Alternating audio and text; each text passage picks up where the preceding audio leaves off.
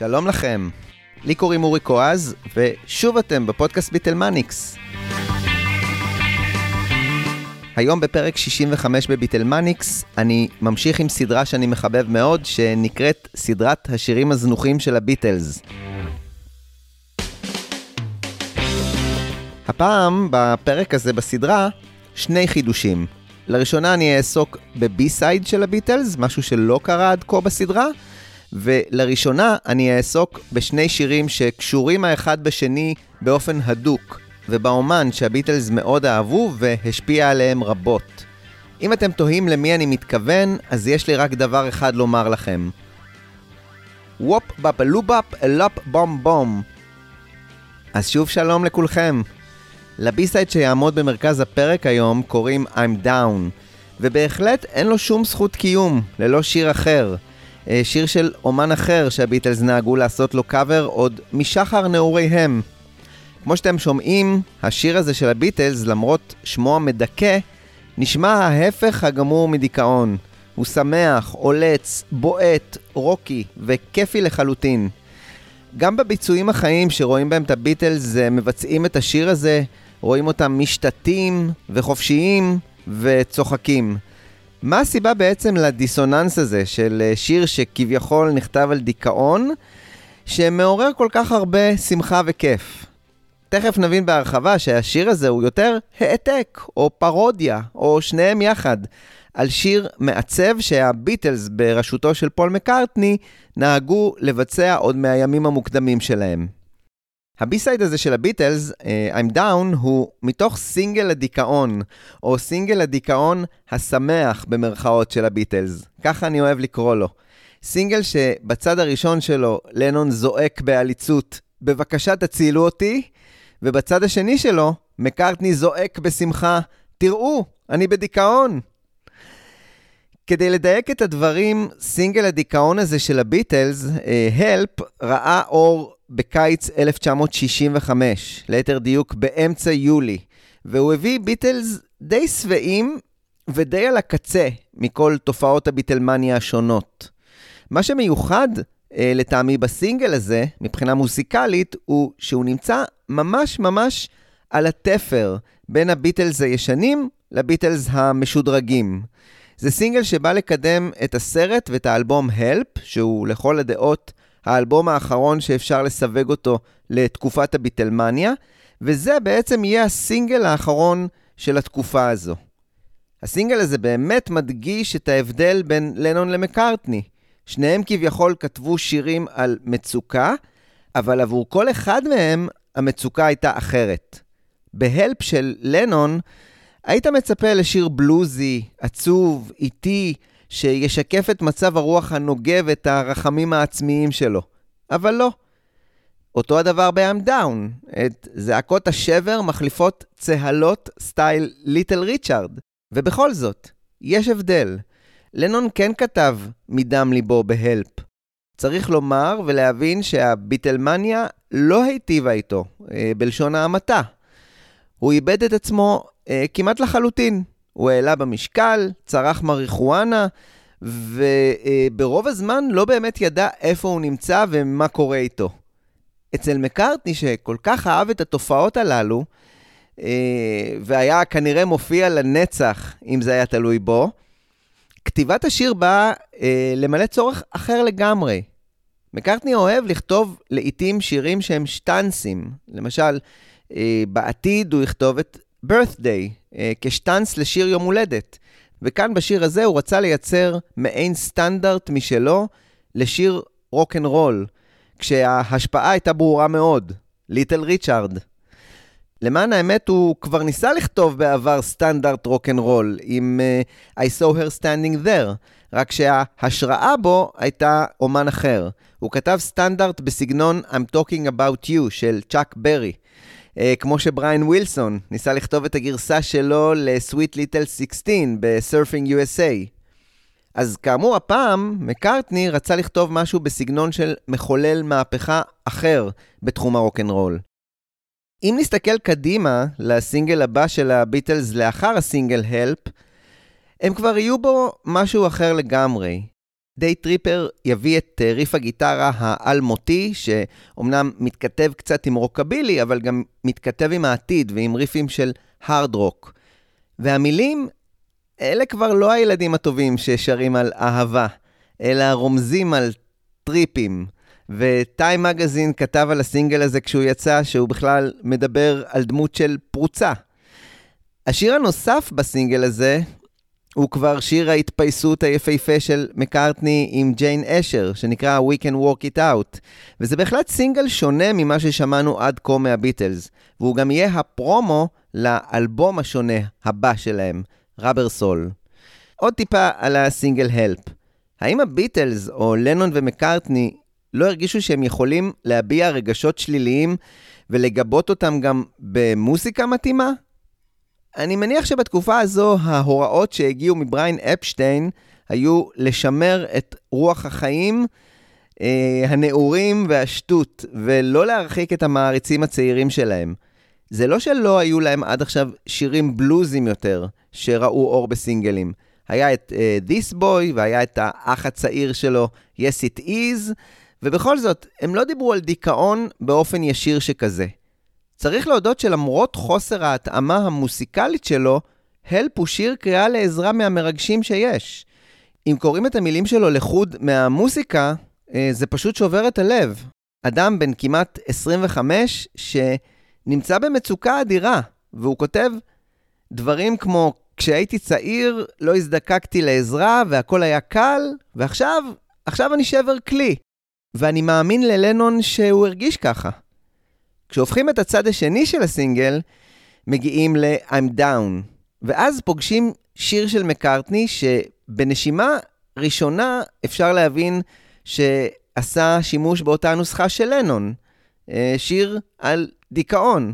אבל כשקוראים את המילים שלו, מרגישים שהם נונסנס, ולא משהו שבאמת מעביר הרגשה של דיכאון. כמו שאמרתי קודם, המטרה של מקארטני הייתה שונה לחלוטין.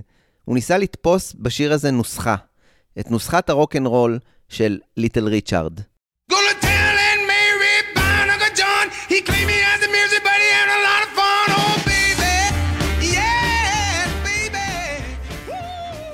זו הזדמנות מצוינת לדבר על אחד מחלוצי הרוקנרול האמריקאים.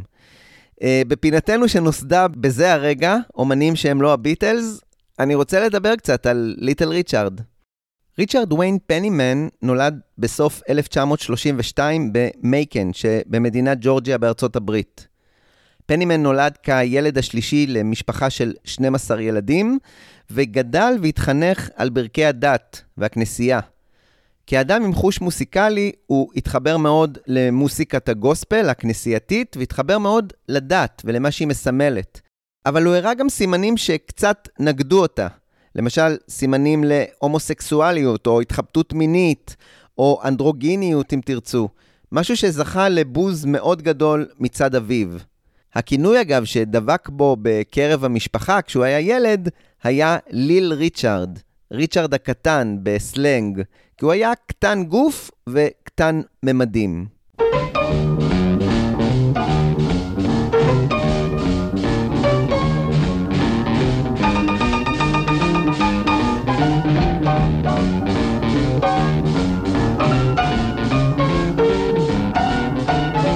כשריצ'רד שמע את השיר Rocket 88 של אייק טרנר, ובמיוחד את ליין הפסנתר הקופצני שבו, הוא החליט שהוא רוצה ללמוד לנגן בפסנתר.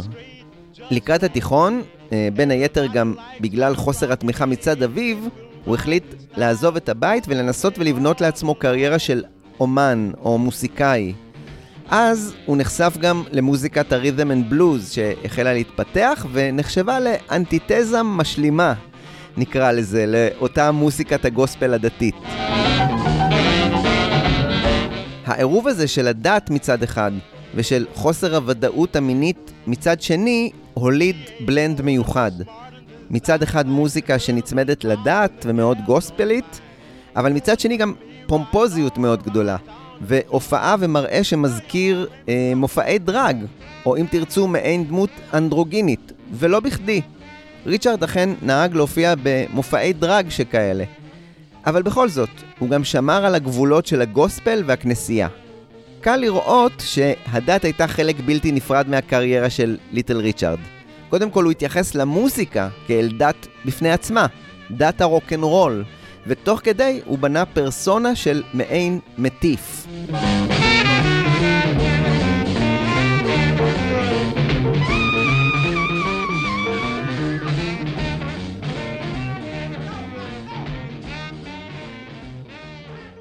אחד המשפיעים הגדולים עליו היה אומן הבלוז בילי רייט, שריצ'רד חיקה את המראה שלו כמעט באופן מדויק. אותה התסרוקת ואותו שפם דק וקטנטן. ריצ'רד התחבר והתיידד עם רייט, שהיה גם הוא יליד ג'ורג'יה. ורייט, שמאוד התרשם מהשירה העוצמתית של ריצ'רד, הקליט אותו כשריצ'רד שר עם ההרכב שלו, של רייט. מהר מאוד ההקלטות הללו התגלגלו והובילו לחוזה תקליטים עם חברת RCA ב-1951, כשריצ'רד היה רק בן 19.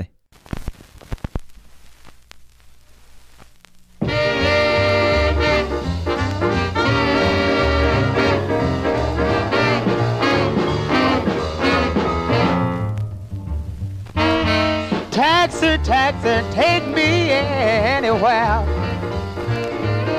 Taxi, taxi, מתוך ההקלטות שנעשו עבור RCA, הסינגל הראשון שיצא תחת השם ליטל ריצ'ארד בסוף 1951, הכיל שני קטעים פשוט נפלאים. אחד שנקרא טקסי בלוז, והשני Every Hour.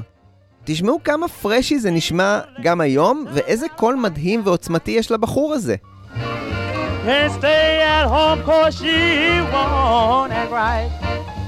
שימו לב שבשיר הזה, בטקסי בלוז, יש פשוט הכל. בלוז, ריתם אנד בלוז, ג'אז, גוספל. זה פשוט נפלא בעיניי.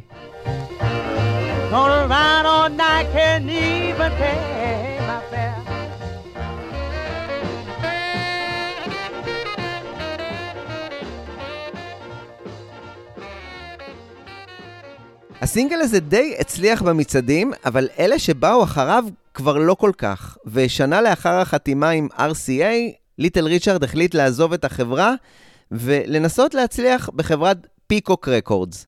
הוא הוציא כמה סינגלים בחברת פיקוק, כשהרכבים כמו ה-Dukes of Rhythm and Tempo או הטריו של ג'ון אוטיס ליוו אותו בנגינה.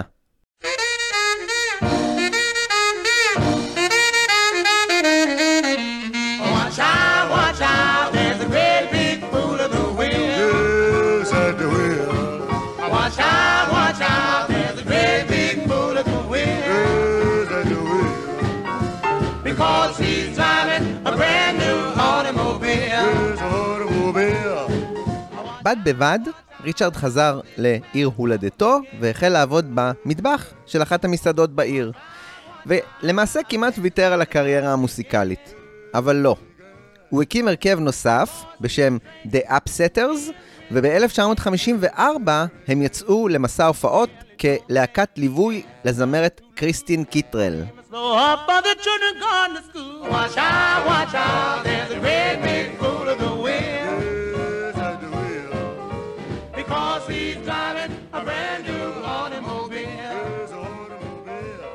Womp bom balloon bom bom bom bom to the boot on root to the boot on root to the boot on root to the boot on root to the boot on root oh womp bom balloon bom bom bom bom I got a girl named Sue she knows just what to do I got a girl named Sue ב-1955 ליטל ריצ'רד המציא את המושג Tutti Frutti. אה, יש כאלה שאומרים שזה קרה אה, באותו המטבח שבו הוא עבד. יחד עם המושג הזה, הוא המציא או השאיל את קריאת הקרב, או הקריאה המיסיונרית לדת החדשה שהוא המציא. Wop bop a loo bop a lop bom bom. שזה היה לגמרי נונסנס, כמו אה, למשל ה Ob-La-Di Ob-La-Da, שמקארטני השאיל מג'ימי סקוט. ליטל ריצ'ארד ככל הנראה השאיל את ה phrase שלו מהבוס שלו במטבח. הוא לקח את ה phrase המוזר הזה ותרגם אותו למשהו שנשמע כמו דרשה של כומר, שעומד ומטיף לקהל שלו.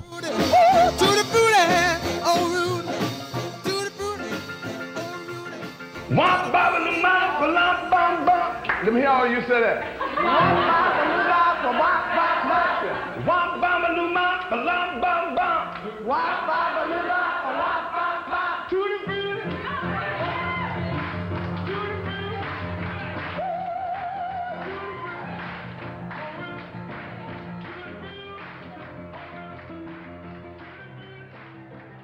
אמרתי קודם שליטל ריצ'ארד אה, נקרע בחייו בין המשיכה שלו לדת לבין המיניות הנזילה שלו, וגם השיר הזה, טוטי פרוטי, אה, שבעצם נשמע כמו אה, הטפה, זועק מיניות מכל עבר.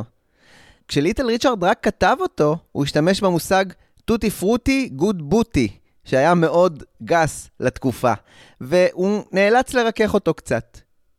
כשלויד פרייס, אומן הרית'ם אנד בלוז, הגיע למייקן כדי להופיע, ליטל ריצ'ארד עבד אז כמוכר משקאות בהופעה הזו. הוא ניצל את ההזדמנות וניגן לפרייס את Tutti Frutti על הפסנתר. ההתלהבות של פרייס הובילה את ריצ'ארד לשלוח דמו של השיר לחברת התקליטים ספיישלטי רקורדס, שהתלהבו מאוד, עזרו לריצ'ארד במימון של הפרת החוזה שלו מול חברת פיקוק, ואפשרו לו להקליט את השיר באולפן. בסוף 1955, טוטי פרוטי ראה אור כסינגל, וסחף את הקהל משני צידי האוקיינוס. ההצלחה הייתה אמנם במכירות של הסינגל, אבל לראשונה קרה עוד משהו שאישרר את ההצלחה שלו. הוקלטה גרסת כיסוי לשיר.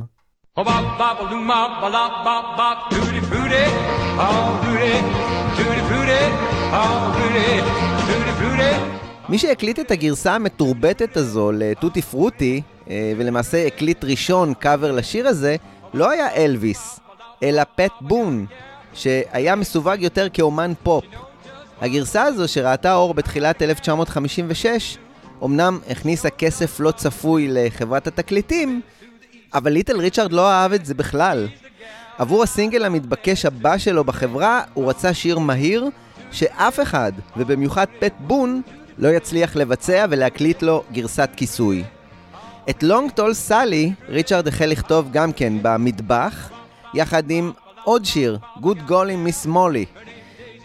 ועבור Long Tall Sally, שהיה הסינגל הבא ששוחרר במרץ 1956, ניתן קרדיט משותף לו ולמפיק רוברט בלקוול. רוברט בלקוול סיפר שהשיר הזה בכלל הגיע מילדה שכתבה שיר כדי שליטל ריצ'רד יקליט, וככה יהיה לה כסף לטיפולים עבור הדודה מרי שלה. אבל האמת, זה נשמע כמו סיפור מוזר לגמרי. האמת כנראה שוכנת אי שם במייקון, וריצ'רד כתב ככל הנראה על מכרה או בת משפחה בשם סלי, שהייתה שתיינית, והוא תיאר אותה בשיר כמכוערת וכפתיינית. Uh, המושג דוד אגב, לאו דווקא התייחס לבן משפחה. הדוד ג'ון היה יכול להיות גם שכן שהתעסק עם סלי. שימו לב לקצב המילים המהיר.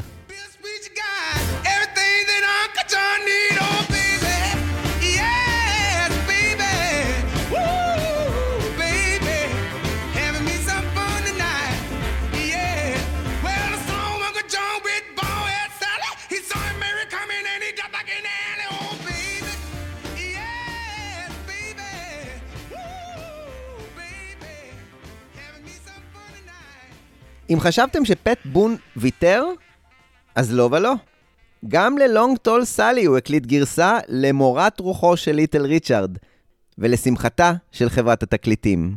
Gonna go tell Mary about Uncle John. He says he the blues, but he has a lot of fun. Oh, baby. Yes, baby.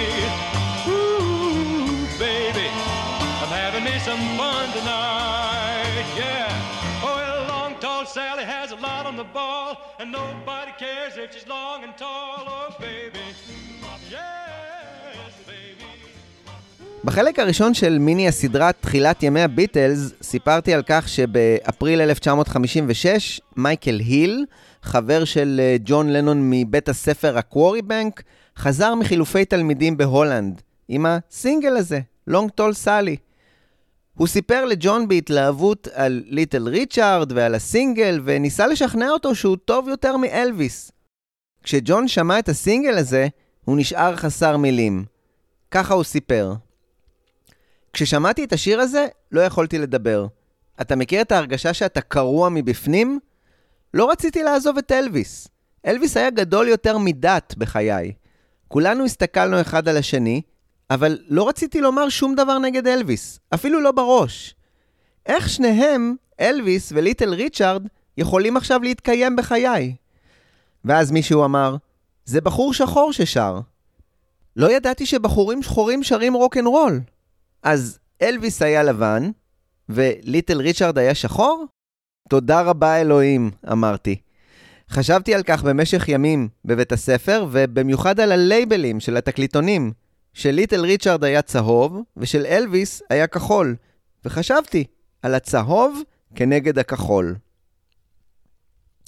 אז כן, לנון נקרע בין האהבה הענקית שלו לאלוויס, לליטל ריצ'ארד, וכשהוא מצא משהו אה, שיבדיל ביניהם, הוא היה פשוט מאושר.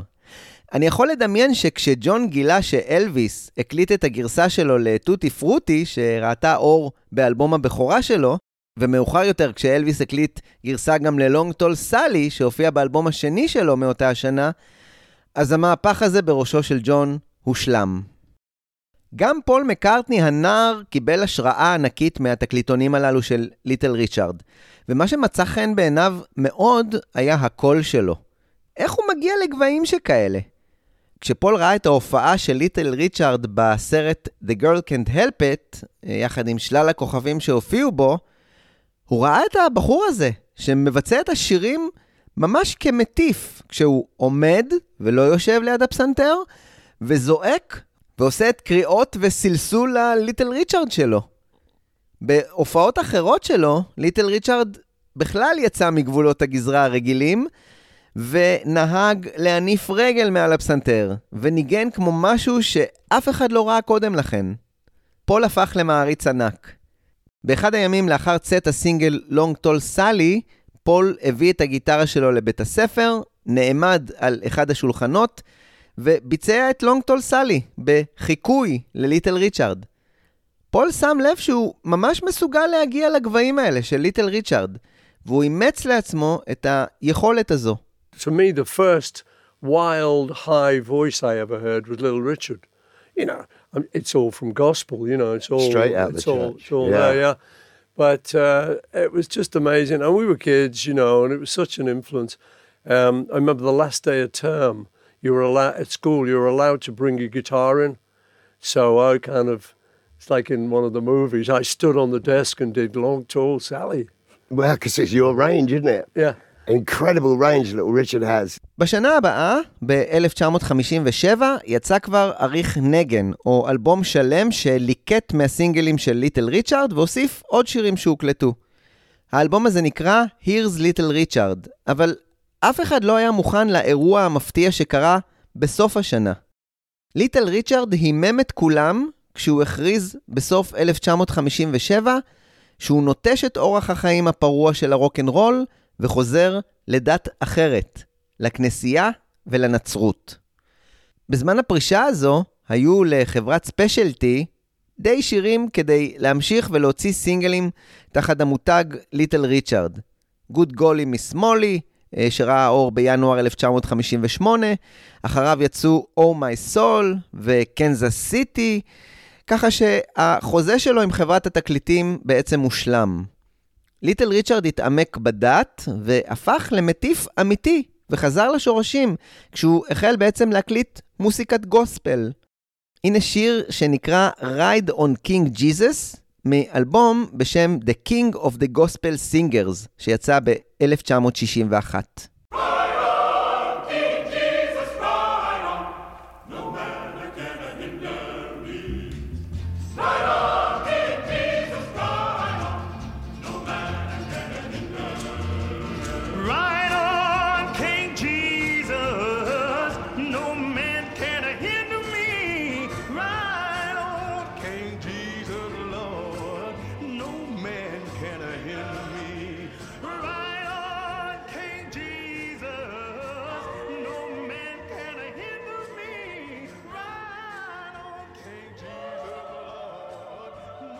השישה ביולי 1957 היה היום שבו אה, נפגשו ג'ון ופול ביריד בוולטון, וכמובן תוכלו לשמוע על כך בהרחבה בחלק א' בסדרת תחילת ימי הביטלס.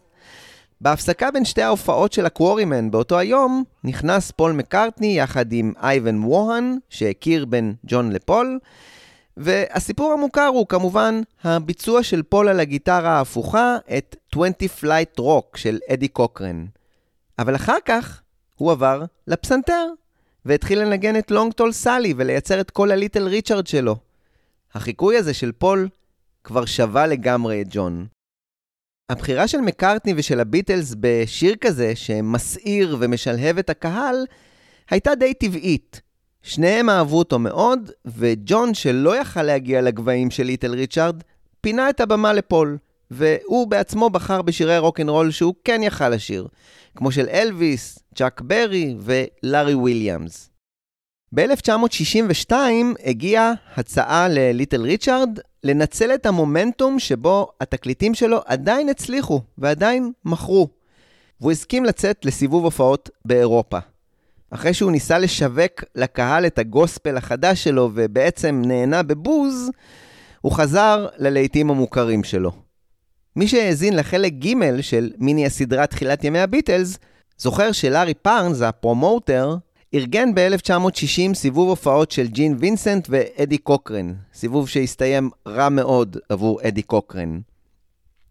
הפעם היה זה בריין אפשטיין וחברת נמס שלו, שהחליטו לנצל את העובדה שליטל ריצ'רד חזר להופיע, ולהביא כוכב רוקנרול מארצות הברית, כדי שיופיע על אדמת בריטניה. ב-12 באוקטובר 1962 עלה ליטל ריצ'רד, האטרקציה הגדולה, עם ההרכב שלו, להופיע בטאוור בולרום בניו ברייטון שבוולאסי, במרזיסייד. ההרכב שלו אגב כלל בחור צעיר מאוד, בן כ-16, שניגן על האורגן.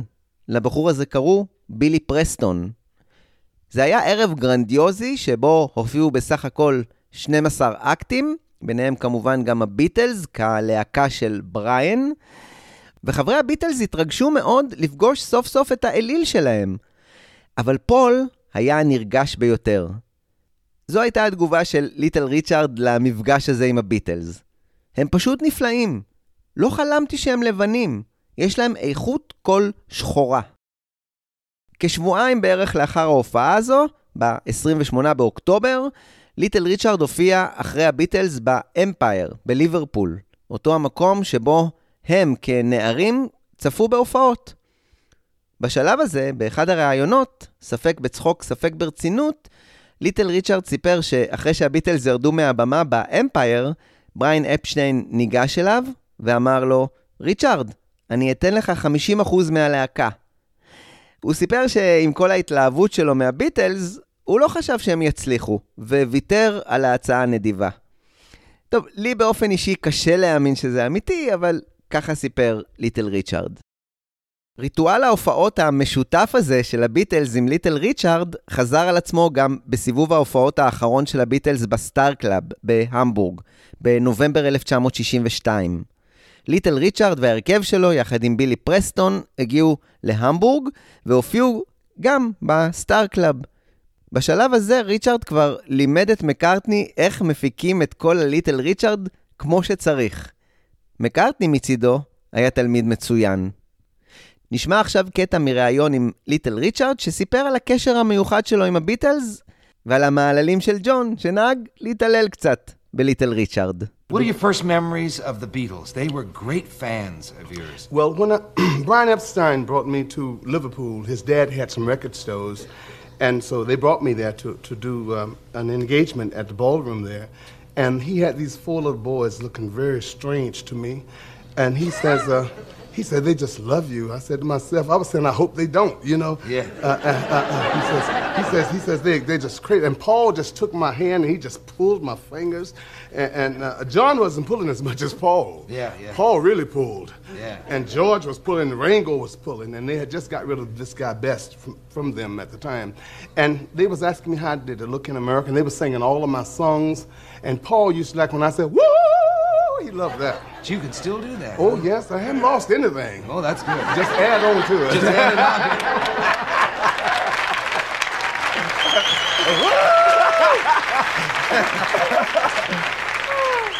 and, and they just loved me. And, you know, so I went to Hamburg, Germany with them and they was making fifty dollars per person, mm.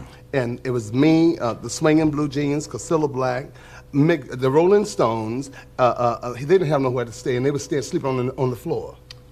You know, uh, at the time. And uh, you know, Jimi Hendrix was my guitar player. Right, He was right. 18 years old. Billy Preston was my organist. Oh. And uh, he, he was 14.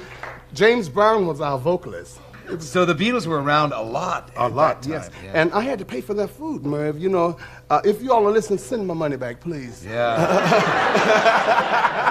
Uh, the Boy, Beatles- Paul's got a, Oh, he's Paul, got plenty he, of money. He has enough to send. Paul, Linda, hi, dog. uh, uh, but, but, but what, what happened was, Paul was so nice, you know. Uh, John used to like to mess with me in my dressing room, you know, quite a bit. He, I can't say on television what he did, you know.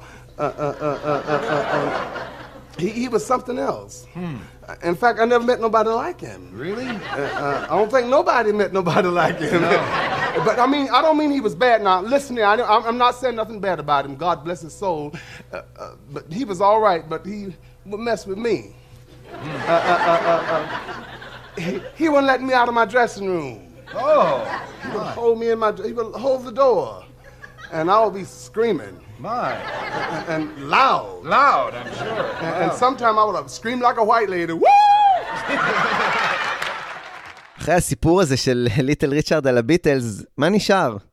נשמע עכשיו קטע מההקלטה המוקדמת ביותר של הביטלס, מבצעים את לונג טול סאלי במועדון הסטאר קלאב בהמבורג 1962.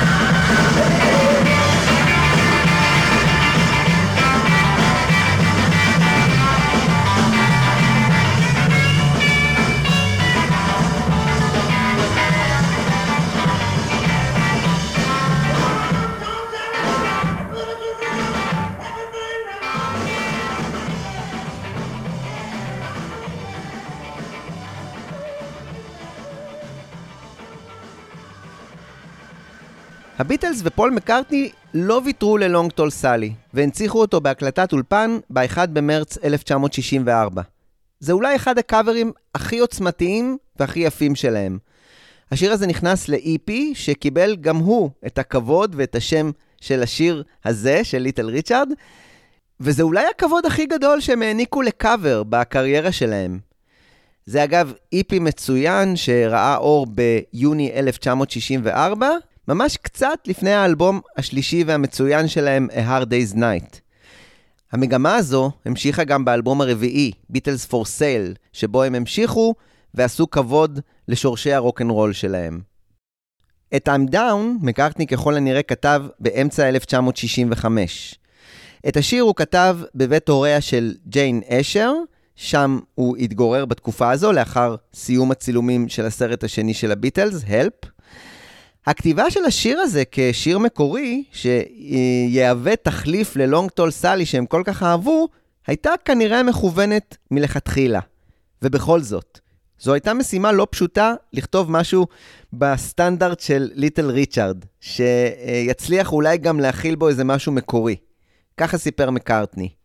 I'm Down היה הרוקנרולר שלי, ושיר במה לא רע, שהיה קשה לי לכתוב. אני גאה בו. דווקא את שירי הרוקנרול הללו, שבקושי יש בהם מלודיה, קשה יותר לכתוב מאשר בלדות, כי בעצם אין בהם כלום. עד כמה לנון היה מעורב בשיר הזה? שניהם, גם פול וגם ג'ון, התפשרו כל אחד מהם, שג'ון אולי עזר קצת. ב-14 ביוני 1965, אחרי שהוא אפשר להם חופשה קצרה, אחרי צילומי הסרט, בריין עכשיו דרש עבודה. המשימה על הפרק הייתה השלמת הצד השני של האלבום Help. היום הזה הכיל כל כולו שירים של מקארטני. שלושת השירים שהוקלטו בו פרסו מניפה יפהפייה של מקארטני ורסטילי מאוד. יום העבודה הזה החל בצהריים עם השיר I've just seen a face, אה, שיר בניחוח קאנטרי, ואם תרצו עוד על השיר הזה, חפשו את הפרק שהתמקד בו בפודקאסט. השיר האחרון שהוקלט ביום הזה היה Yesterday, שעליו בטח אין מה להוסיף. ביניהם, הביטלס בהובלתו של מקארטני הקליטו את הרוקר הליטל ריצ'רדי, I'm Down, וזה פשוט מדהים. שלושה שירים ששונים מהותית האחד מהשני, נכתבו על ידי אדם אחד והוקלטו כולם ביום אחד. שבעה טייקים נדרשו כדי לסיים את העבודה על I'm Down, כשהמטיף פול ניגן על הבאס, איש הכנסייה ג'ון ניגן על אורגן שנשמע מאוד כנסייתי, כיאה למשהו שמושפע מליטל ריצ'ארד, ג'ורג' היה אחראי על section הגיטרות, ורינגו על התופים. ככה התחיל הטייק הראשון עבור השיר הזה, עם פול שאולי קצת חשש מגודל המעמד, ואמר, בואו נקווה שזה יצא טוב. מה אנחנו למדים מהטייק הזה? שימו לב עד כמה מותח מקארטני את הקול שלו אה, לפי הנוסחה של ליטל ריצ'ארד, ומשתמש פשוט ללא הבחנה בקריאות של ליטל ריצ'ארד, ואפילו משתמש בנביחות. באמצע הטייק זה נראה שהכל בעצם מאולתר, כאילו שהם לא באמת ידעו מה לנגן. גם סולו הגיטרה של ג'ורג' נשמע כמו משהו שהוא המציא ממש הרגע. עוד משהו מעניין, האורגן של ג'ון נשמע לפעמים ממש כמו עוגב של כנסייה. שימו לב שאת הכיף של We gonna have some fun tonight של ליטל ריצ'ארד מלונג טול סאלי, מקארטני החליף באנטיתזה I'm down, down on the ground. אחרי הסיום הרגיל של הביטלס לשירי הרוקנרול שלהם, בטייק הזה, בטייק הראשון הזה, שומעים את רינגו קצת צוחק על הפירוטכניקה הווקאלית של מקארטני. מקארטני מיד עונה לו מתוך ציטוט מכתבה שהוא קרא. בכתבה הזו היה כתוב שמישהו בארצות הברית כינה את מה שעושים הסטונס ואת איך שג'אגר שר כ plastic soul. מקארטני עונה לרינגו, זה plastic soul, man. ההשערה הרווחת היא שהציטוט הזה הניח גם את הבסיס למושג Rubber Soul. גם הביטלס יכולים לעשות סול, אבל נזיל, ולא קשיח כמו פלסטיק, אלא גמיש כמו גומי. על גבי הטייק השביעי שהוקלט בסוף הסשן הזה, ג'ורג' הקליט מחדש את סולו הגיטרה שלו על גבי הסולו הישן. ובמיקס הסטריאו של השיר הזה אפשר לשמוע שני סולואים, את החדש ואת הישן מהדהד מאחורה. וכל זה מכיוון שהמיקרופון של פול קלט גם הוא את הסולו הראשוני של ג'ורג'. ובמיקס הסטריאו, בגלל הפרדת הערוצים, אי אפשר היה להיפטר ממנו. ג'ון הקליט תוספות של אורגן ושל סולו אורגן שהמשיכו את הקו העוגבי כנסייתי. אבל הם התכתבו גם עם נגינה של אליל רוקנרול אחר, ג'רי לי לואיס.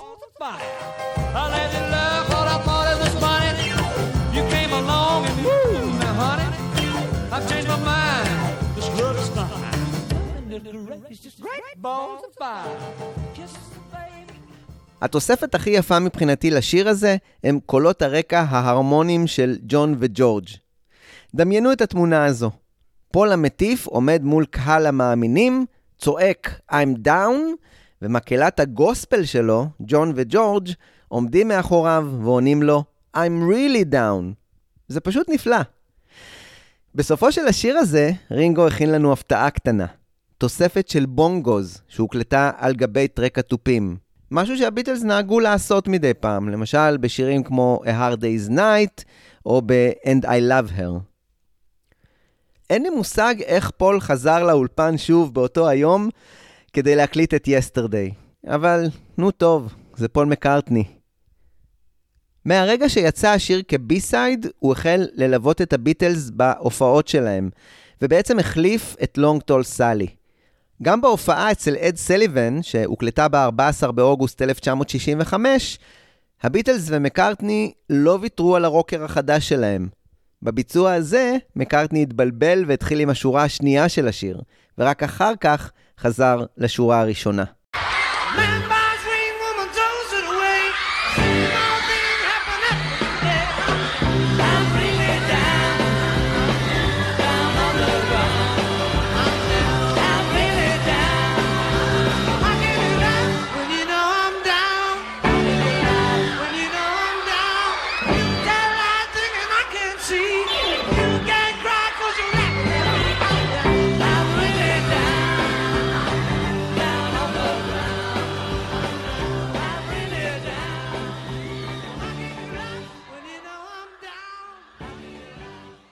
יום למחרת ההופעה אצל אד סליבן, ב-15 באוגוסט, הביטלס כבר הופיעו מול 56 אלף צופים באיצטדיון שיי שבניו יורק.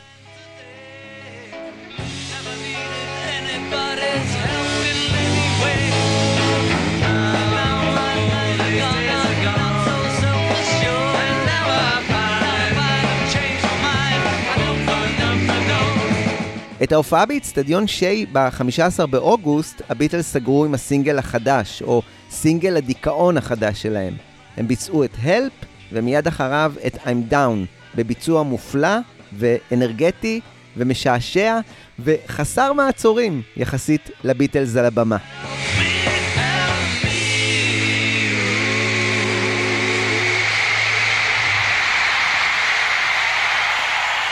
This song will have to be our last song for tonight. Yes, well. So we'd like to say to everybody, thank you very much and good night. See ya. With this song. So clap your hands with this one, okay? You tell lies thinking I can't see. You can't cry 'cause laughing at me.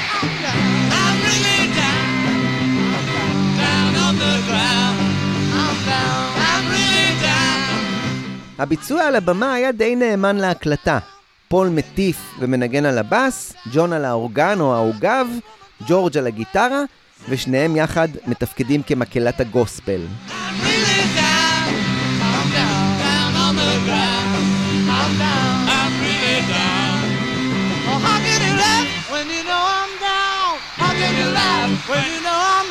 אם ההופעה הזו בשיי הייתה השיא של תקופת הביטלמניה, הביצוע הזה ל-I'm Down היה בהחלט שיא ההופעה. פול שר כאילו אין מחר, ג'ון משתולל על האורגן ומנגן עם המרפקים, כשיחד עם ג'ורג' הם פשוט נקרעים מצחוק.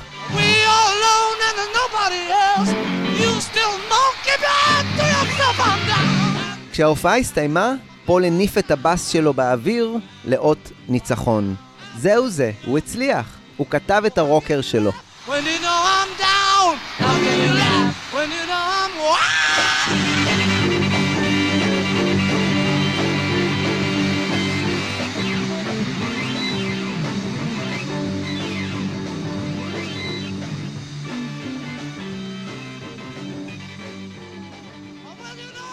בתשעה במאי 2020, ליטל ריצ'רד הלך לעולמו בגיל 87, ופול כתב בפוסט ההספד שלו טקסט קצר, יפה וקולע. מטוטי פרוטי ללונג טול סלי, לגוד גולים משמאלי וללוסיל. ליטל ריצ'רד הגיע כשהוא צרח לתוך חיי כשהייתי נער. אני חייב רבות ממה שאני עושה לליטל ריצ'רד ולסגנון שלו, והוא ידע זאת. הוא נהג לומר, אני לימדתי את פול כל מה שהוא ידע. אני מודה שהוא צדק. באופן סמלי מאוד, הביטלס סגרו את קריירת ההופעות שלהם אה, בהופעה בקנדלסטיק פארק ב-29 באוגוסט 1966 עם Long Tall Sally. ככה נסגרה קריירת ההופעות של הביטלס, עם השיר שהתחיל הכל. אממ.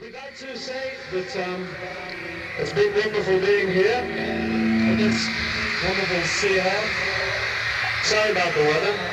And we'd like to ask you to join in and uh, clap, sing, talk, fight, some do anything. Anyway, the song is, you know. I'm gonna tell you, I'm gonna tell you, I'm gonna tell you, I'm gonna tell you,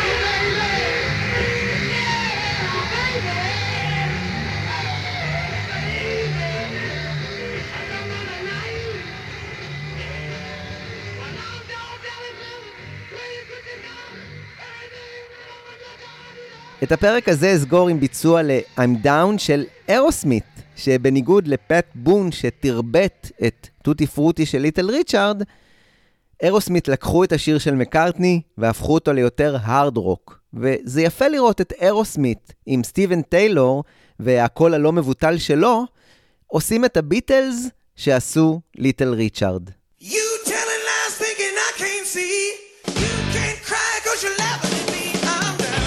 עם הביצוע הזה של אירוסמית אה, ל-I'm Down מתוך האלבום שלהם Permanent Vacation מ-1987, נסגור את הפרק המיוחד בסדרת השירים הזנוחים של הביטלס, שעסק בהשפעה הגדולה של ליטל ריצ'ארד על הביטלס.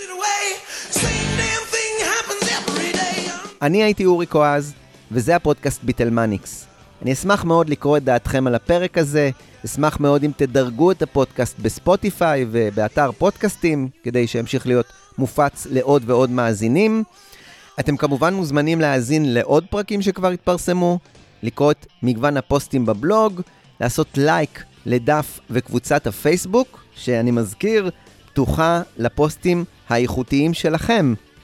ותוכלו להירשם גם ל-mailing list בבלוג, כדי לקבל עדכונים במייל לגבי פרקים, פוסטים וכל מיני דברים שעולים בביטלמניקס.